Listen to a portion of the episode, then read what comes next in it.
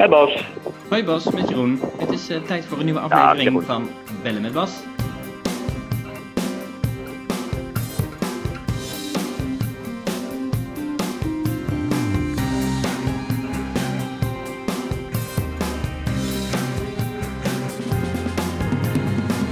We bellen je vandaag in, uh, in Straatsburg. Helaas moet je daar nog steeds een paar keer per jaar naartoe. Heel kort, uh, ja. GroenLinks willen vanaf, het Europees Parlement willen graag vanaf, maar zolang regeringsleiders niks doen, verandert er ook niks. Uh, helaas is, is, dat de samenvatting. Uh, het staat gewoon in het verdrag. Hè. Het Europees Parlement heeft een keer geprobeerd minder naar Straatsburg te gaan. toen heeft Frankrijk ons meteen voor de rechter gedaagd. En ja, dat hebben we verloren, want ja, wij moeten ook volgens dat verdrag werken. Dus uh, toen heeft de rechter Frankrijk in het gelijk gesteld. Dus ja, dit moet gewoon uh, in het verdrag gewijzigd worden. En dat is echt aan de regeringsleiders. Ja, en, en, iemand als Rutte heeft daar gewoon geen prioriteit. Praat er altijd leuk over in verkiezingstijd, maar hij zal hier nooit Macron op aanspreken. Dus uh, ja, typisch gevalletje huigelachtig gedrag van, van de premiers, inclusief Rutte.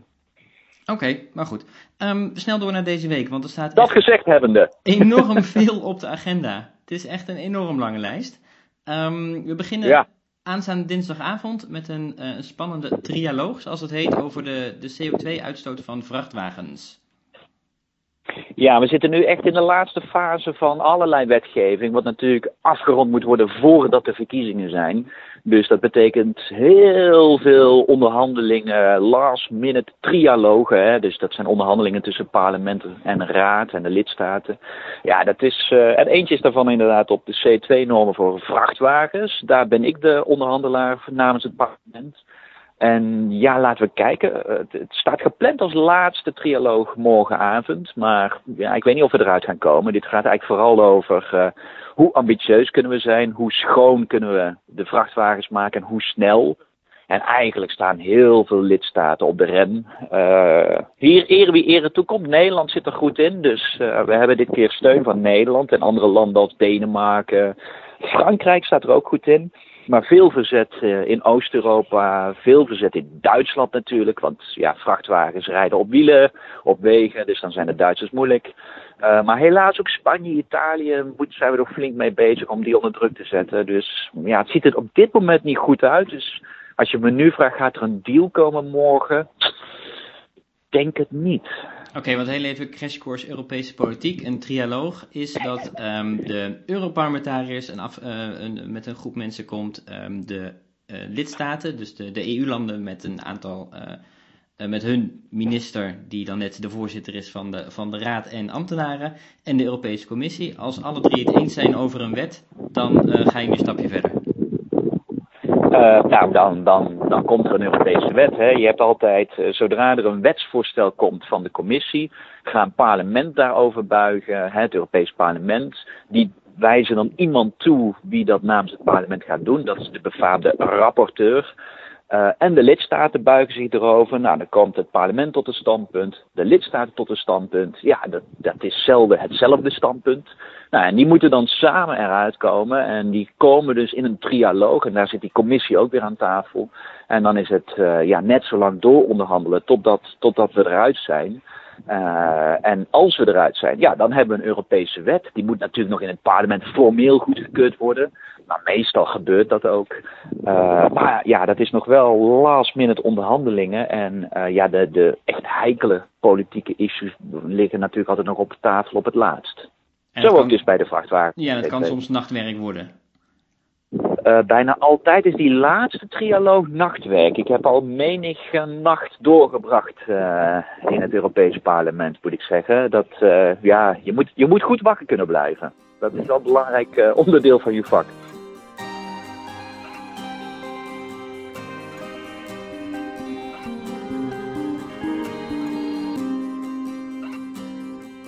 Stemmen jullie um, over een handelsakkoord met Singapore. Nou lijkt dat misschien allemaal niet zo spannend, maar de beroemde letters ISDS duiken daar weer op. Um, wat, wat kun je er precies over zeggen? Ja, dit is eigenlijk nog een, uh, dit, hè, dit, is nog een onderhandeling van een vrijhandelsakkoord met Indonesië dat heel oud is. Dat is heel lang geleden begonnen. Uh, daar zijn ook wat rechtszaken over geweest, dus die heeft heel lang gelegen. Nou, terwijl we daarmee bezig waren, kwam de hele heisa rondom de vrijhandelsdeal met Amerika, het TTIP. Nou, die is, die is op on gezet. Uh, nou, vervolgens met Canada, CETA, met Japan hebben we nu ondertussen ook. En nu moeten we ook nog deze accorderen. Maar ja, eigenlijk is dit een hele ouderwetse slechte handelsdeal. Met heel veel uh, rechten voor investeerders. Die toch nog steeds uh, nou ja, overheden kunnen aanklagen. Dat is allemaal net iets verbeterd. Iets meer openbaar tribunaal met, met rechters die onafhankelijk worden benoemd. Maar het blijft natuurlijk fundamenteel uh, absoluut onjuist dat investeerders, en zeker tussen landen als Singapore en de EU, dat investeerders kunnen zeggen tegen een overheid: ja, nee, maar wij, zijn, wij willen het niet, wij willen die wet gaan doen, dus, want dat noemen wij onbetrouwbare overheid en dan gaan we jullie aanklagen. Uh, en dat kunnen ze zelfs ook nog lagere overheden doen. Dus zelfs, zelfs deelstaten in Duitsland kunnen er last van gaan krijgen. Ja, dat, dat, dat is echt gewoon geen goede deal. En, en dit wordt eigenlijk een testcase. Uh, hoe, hoe bijvoorbeeld de Sociaaldemocraten gaan stemmen. Want die roepen altijd ook dat ze een ander handelsakkoord willen. Nou ja, nu ligt Singapore voor en het lijkt erop dat de Sociaaldemocraten gewoon weer mee gaan stemmen. En dat het dus een grote meerderheid gaat halen in het Europees Parlement. Ja, dit klinkt mij een beetje vertrouwd sociaal-democratisch. Wel mee, mee uh, kritisch zijn, maar als het puntje bij is met stemmen, toch op het ja-knopje drukken. Oké, nou ja, we zullen het zien uh, bij de stemming aanstaande woensdag. Ja, we kunnen alleen maar voor of tegen. Dat is even nog. Die ah, handelsdeals okay. is dat echt heel. Ja, is ook nog democratisch echt heel zwak. Het wordt onderhandeld op basis van een mandaat dat gegeven wordt door de, door de landen nou, zelden dat parlementen goed weten wat dat mandaat inhoudt, hè, dus nationale parlementen. Wij als Europees parlement hebben daar geen inspraak op. Ja, wij kunnen een niet bindende resolutie maken. En aan het eind mogen wij alleen ja of nee zeggen. Ja, en dat noemen ze dan, ja, dat is democratische inspraak bij handel. Nou, daar hebben we ook nog wel wat kritiek op. Dus uh, het wordt echt tijd dat, dat het handelsbeleid van de EU de 21ste eeuw inkomt. Ja, precies. We moeten er sowieso nog eens induiken. Want uh, je zegt wel handel. Dat lijkt alsof het gewoon een, een klein uh, uh, onderdeel zeg maar, is van wetgeving. Maar daar zit zoveel in, volgens mij. Nou, tegenwoordig de echte winst met handelsdeals is niet meer te halen met het verlagen van tariefmuren, wat natuurlijk de klassieke manier was. Uh, nu, nu hebben we al heel veel van die muren verlaagd. Dus eigenlijk handelsbarrières, nou, die zijn natuurlijk in bepaalde sectoren er nog wel, maar die zijn er steeds minder. En dus is nu de lobby naar, naar zeg maar de volgende stap in handelsakkoorden. En dat is dat we veel meer moeten gaan samenwerken met het afspreken van elkaars normen, kwaliteitseisen en dergelijke. Dan komt men altijd met het voorbeeld, bijvoorbeeld de kleur van een elektriciteitsdraad. Mooi voorbeeld, inderdaad, heel technisch. Dat zou je misschien beter kunnen afstemmen. Uh, maar dat gaat natuurlijk ook in richting allerlei politieke gevoelige onderwerpen als, als normen voor voedselveiligheid. Ja, en het is niet verzekerd dat dat, dat soort uh, afspraken buiten schot blijven. Dus nee, die handelsakkoorden, daar, daar, daar zit veel meer achter dan mensen denken. Door naar het volgende punt landbouw, de landbouwhervorming. Um, Europa heeft een cyclus ja. van zeven jaar, dat, dat klinkt echt enorm lang, voor het Europees landbouwbeleid.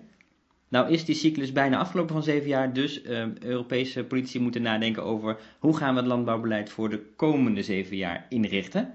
En het Europees Parlement is daar mee bezig. Ja, nee, dat is nog zo'n groot dossier. En, en wellicht gaan wij in ieder geval deze week als Milieucommissie stemmen. Dus dat is nog niet plenair, maar dan in ieder geval als Milieucommissie. Uh, en eigenlijk heel kort samengevat hebben wij als Groene twee prioriteiten. Het moet groener en eerlijker. Nou, dat klinkt natuurlijk hartstikke leuk, maar wat bedoelen we? Groener is dat, dat gewoon een groter deel van het landbouwbeleid echt moet worden uitgegeven aan, aan de groene diensten. En ja, daar zit nu een soort van voorstel in, maar op welke doelen je wordt afgerekend is heel vaag en het wordt heel erg aan landen gelaten om dat in te vullen. Nou ja, dat is natuurlijk heel kwetsbaar, want ik denk niet dat een land als Polen daar heel erg strak in zal zitten. Dus dat proberen we veel steviger te maken, zodat je echt stuurt op doelstellingen waar landen aan moeten voldoen voordat ze vergroeningsgeld mogen uitreiken aan hun boeren. En het andere is natuurlijk dat het tot nu toe gaat nog steeds ja, het merendeel van het landbouwgeld naar de grote boeren. Want het is een per hectare uh, betaling. Dus hoe groter je hectares, hoe meer geld je krijgt. Ja, daarmee werkt dat Europese landbouwbeleid alleen maar verdere schaalvergroting in de hand. Terwijl je dat nou net, ja, dat is het idee van met subsidies zou je misschien dat juist wat willen aanpassen. Nou ja, daar faalt het Europese landbouwbeleid ook nog steeds in. Dus nou, wederom een poging om het te hervormen. Het ziet er goed uit wat de Milieucommissie gaat doen, maar daarna moet het nog naar de leidende commissie in het parlement, de Landbouwcommissie. Ja, ik vrees dat die het weer in grote mate zullen verprutsen. Ja, want daar zitten vooral Europarlementariërs in die een, een direct linkje met hebben met de landbouw, geloof ik, of niet? Ja, en daar zitten ook wel de wat meer conservatieve krachten. Dus waar je in de Milieucommissie goed kan werken met liberalen en sociaaldemocraten, uh, veranderen die nogal van mening zodra ze in de Landbouwcommissie komen. Uh, ja, en uiteindelijk uh, vormt dat dan helaas heel vaak de meerderheid van het hele Europees Parlement. En slagen we er telkens niet in om tot een goed standpunt te komen als parlement op het landbouwbeleid. Laat staan later de lidstaten en laat staan dus later de onderhandelingen die dan nog moeten gebeuren. Uh, wat overigens niet meer voor de verkiezingen gaat lukken, maar ja, de, de, conservatieve krachten rondom landbouw zijn nog steeds ongelooflijk groot. Echt, ja, met pijn in mijn hart constateer ik dat in elke zeven jaar weer. Oké, maar je zegt het gaat voor de verkiezingen niet meer lukken. Dus dat betekent dat uh, iedereen. Niet de finale deal. Nee, nee, maar dat betekent dat iedereen die ander landbouwbeleid weet, dus inderdaad met de Europese verkiezingen die aankomen, nog echt invloed kan hebben. Nou ja, dit is weer zo'n onderwerp waarin het dus echt uitmaakt wie er in het Europees Parlement zit. Ja, dat, dat mensen denken altijd dat het Europees Parlement niet machtig is. Maar al deze wetgeving gaat langs het Europees Parlement. En als de christendemocraten in ja, gewoon de grootste beweging blijven, kunnen zij dit soort beleid blijven dicteren. Dus ik zou zeggen, doet het toch wel toe uh, wie je kiest uh, in dat Europees parlement.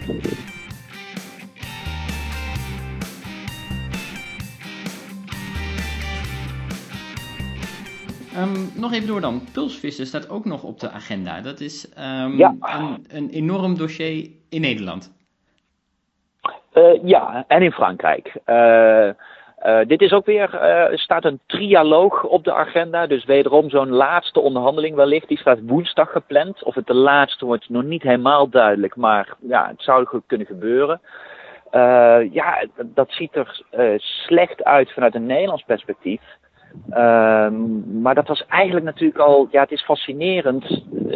Nederland heeft al tegen het standpunt gestemd toen de lidstaten tot een positie kwamen.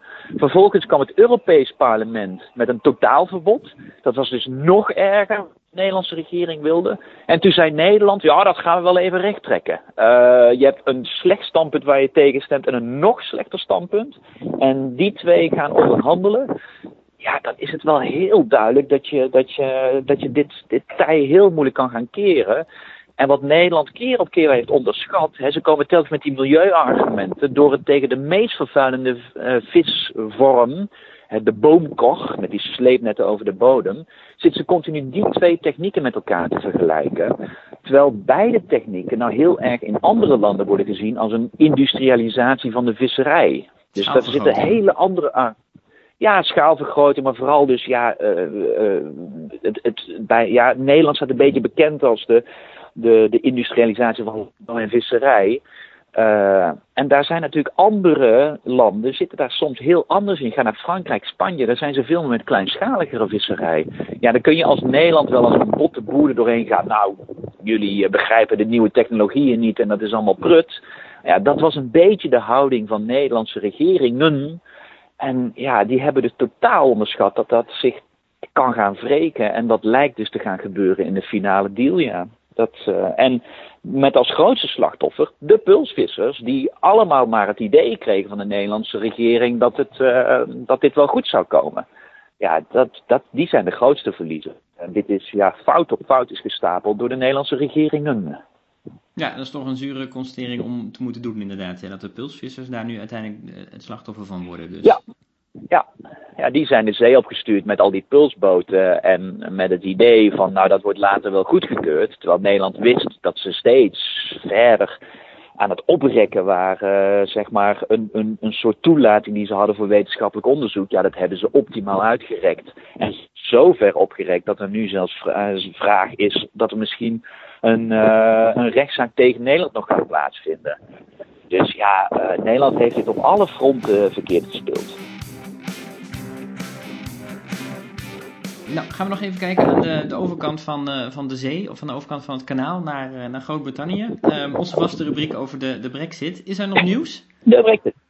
Nou ja, kijk, het is interessant dat er nu in Engeland wel eindelijk een gesprek te komen tussen, tussen, tussen de, de nou ja, Tories en Labour. Want je zou natuurlijk zeggen, May heeft eigenlijk tot nu toe altijd alleen maar gekeken naar haar eigen partij. En daardoor is zij dus met rode lijnen naar Brussel gegaan, die haar gedicteerd werden binnen de Tories. Nou ja, het is heel duidelijk geworden dat ze daarmee geen meerderheid in haar lagerhuis gaat krijgen, omdat het voor de echte harde Brexiteers nooit genoeg zal zijn. Ja, ze heeft dus Labour jarenlang heeft ze opzij geschoven. Ja, nou moet ik ook zeggen, Corbyn was ook niet altijd even duidelijk wat hij nou wilde. Dus uh, Labour blonk ook niet uit in helderheid. En nu lijkt het toch zo last minute toch een keer een poging te zijn om misschien toch eens te kijken van kunnen we cross-party uh, tot iets komen. Maar de tijd is kort, uh, het chagrijn onderling is groot en ja, de, de wensen of eisen die Corbyn heeft neergelegd, ja, die zijn, zijn op een aantal fronten gaan lijnrecht in tegen die rode lijnen die mee heeft gezegd, die zal ik nooit aanpassen. Ja, als dat het is, dan zal het gesprek met Labour ook weer kort van stof zijn. Uh, en terwijl dit gaande is, ja, proberen ze nog in Brussel nog, nog wat meer toezeggingen te krijgen. Maar ja, die blijven continu zeggen, ja, we kunnen nog een inlegvelletje maken met een mooie politieke verklaring. Maar zolang jij je rode lijnen niet aanpast, mevrouw May, uh, blijft dit de deal. Dus ja, de tijd gaat dringen. En uh, ondertussen in het lagerhuis, dat is misschien wel interessant, misschien komt daar nog een uitweg, is dat er nu een aantal mensen bezig zijn met het idee om een, om een amendement neer te leggen die zegt, oké, wij gaan ons onthouden op de May-deal, als May belooft toch een referendum uit te schrijven op die deal. En wordt, dan, dan wordt de keuze, het is geen brexit, dus bij de EU blijven, of de May-deal. Nou, en als dus dat genoeg is, als je dat goed opschrijft en genoeg mensen onthouden zich dan op de May-deal, dan kan de May-deal toch een meerderheid in het lagerhuis halen. En dan zou er dus toch nog een referendum kunnen komen. Nou ja, ondertussen is het lagerhuis ook nog steeds aan het zoeken naar een, een weg eruit. Uh, ja, hoe dit balletje gaat lopen, ja, zoals de ervaren onderhandelaars in Brussel zeggen, het is, het is eigenlijk nog te kort dag voor een doorbraak. Dit gaat echt pas last minute, eind maart beginnen, uh, doorkomen. En ja, we hebben dus nog een maand waarin we allerlei bewegingen gaan zien, maar misschien komt er pas echt op het laatste moment in maart een doorbraak. Je weet het gewoon niet. Oké, okay, nou ja, we, gaan het, uh, we gaan het zien. Uh, het debat in het Laaghuis is trouwens aanstaande donderdag, geloof ik. Dus uh, dat kunnen we weer. ja, weer een van de vele debatten. Precies, nou, je weet het nooit. Het is altijd leuk om een keer een, een debat in het Laaghuis te volgen, op zich. Dat zeker, dat kunnen ze, dat kunnen ze goed, ja, debatteren. Nu nog, nu nog een beetje een zinvolle manier om uit deze. Besluitvorming, daar, daar schort het misschien nog wel eens aan in het. Ja, dat is dat net wat minder. Ja. We gaan het nog even hebben over het GroenLinks-congres. Dat is aanstaande zaterdag. Ja, nee, dan, dan moet ik nog formeel uh, bekrachtigd worden tot lijsttrekker. Uh, want ik was de enige kandidaat, daardoor was er geen referendum. Maar ja, er moet natuurlijk nog wel een, een, een bekrachtiging komen van het, uh, van het congres. maar goed, ja, ja, laten we hopen dat dat goed gaat. Uh, en verder is het natuurlijk uh, is het, is het, ja, vooral uh, een stap naar de provinciale statenverkiezingen. Dus daar zal de lijst van de Eerste Kamer goedgekeurd worden. Jesse zal daar natuurlijk een speech houden. Ik zal er een houden over Europa. Ja, het is, het, is een, het is een congres, weet je, de aftrap van de campagne die natuurlijk ons in maart de provinciale staten geeft. Maar in mei natuurlijk de Europese verkiezingen. Dus veel op het programma, dit congres. Nou, het wordt interessant. Dan uh, muziekje daar sowieso op het congres. Doei. Doei.